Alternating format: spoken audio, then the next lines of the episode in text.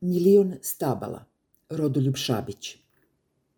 Smešno, bio bi kratak, ali i sasvim dovoljan komentar vesti kojom je početkom godine gradska vlast Beograda preko već famoznog zamenika gradonačelnika razveselila, tačnije nasmejala građane za koje stvari kao što su šuma, drveće, zelenilo još uvek imaju značaj. Zamenik je tad najavio sađenje ni manje ni više nego milion novih stabala u gradu. Usledilo je pitanje novinarke, ali zar u gradu uopšte ima mesta za to? I potom zamenikov odgovor. Dobro znamo da nema mesta, ali napravit ćemo ga. Na taj bizarni TV nastup gradskog funkcionera Podsjetilo me je to što nas samo pola godine kasnije vlast na mnogo ozbiljniji način suočava sa još jednom vešću koja se tiče iste teme – šume, drveća i zelenila. A vest je da su javnosti upravo prezentirani planski dokumenti koji treba da stvore uslove za komercijalnu izgradnju na ekskluzivnom zemljištu u Košutnjaku – Istina, ne može se reći da kreatori dokumenta nisu vodili računa o tome da je nacionalna strategija za razvoj kulture predvidela obnavljanje tu lociranog filmskog grada kao projekta od nacionalnog značaja, a da ostali sadržaji treba da upotpune i podrže tu primarnu funkciju.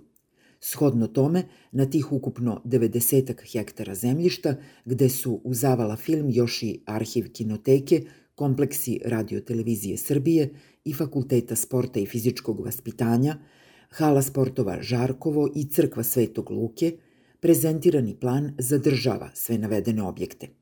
Ali, kako su oni ostali u postojećim okvirima i bez potencijalno komplementarnih sadržaja, potpuno je jasno da cilj ovog plana nikako nije zaštita kulturnog nasleđa, a još manje oživljavanje filmske industrije.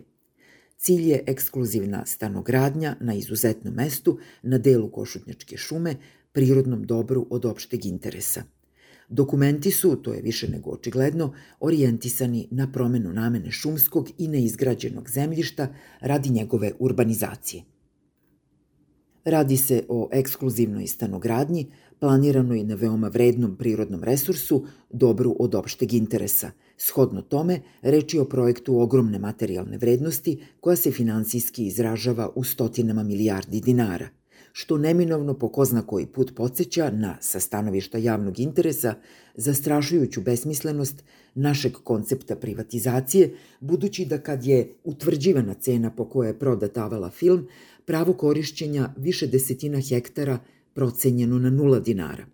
Procenjena je samo vrednost 20.000 kvadrata trošnih, malovrednih objekata, da bi potom kupac ovo bezvredno zemljište bez problema preimenovao u basnoslovno vredno ali nije bar ovom prilikom tema naša pljačkaška privatizacija, već nešto drugo.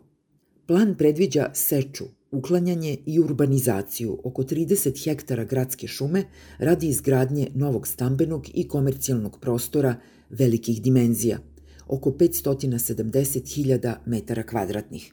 Da bi se realizovala izgradnja ovako velike količine stambenog i poslovnog prostora, gradska šuma i zelenilo moraju, sa sadašnjih oko 40 hektara, biti svedeni na nekih 10 hektara i to u dve odvojene enklave.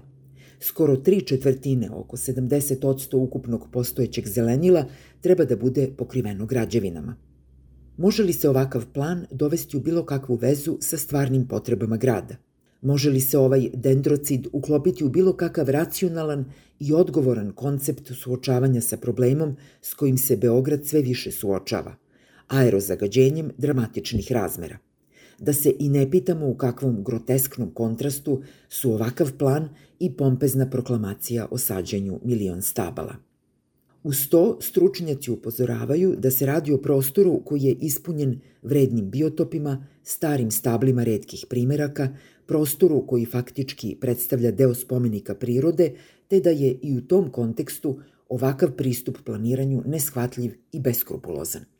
Dobro je i važno što su u stručnoj javnosti i ne samo stručnoj već prisutne oštre reakcije, a još je važnije da se u tome bude istrajan i da se privuče pažnja i dobije što šira podrška građana.